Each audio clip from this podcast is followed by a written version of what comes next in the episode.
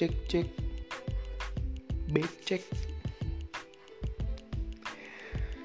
halo gue agak di sini gue mau berbagi gue mau cerita gue mau sharing-sharing pengalaman gue ataupun perasaan gue mau itu senang sedih atau campur aduk semuanya ada di podcast ini. Uh, atau mungkin bisa jadi perwakilan perasaan para para bucin di luar sana yang perasaannya belum tersampaikan? Ini gue wakilin bos